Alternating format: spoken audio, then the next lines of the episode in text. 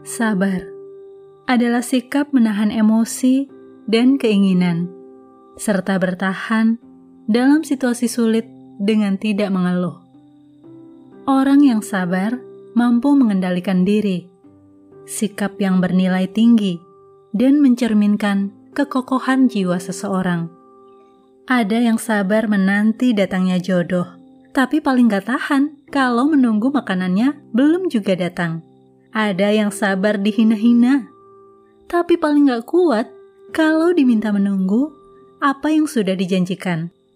Well, tiap kita punya ujiannya masing-masing.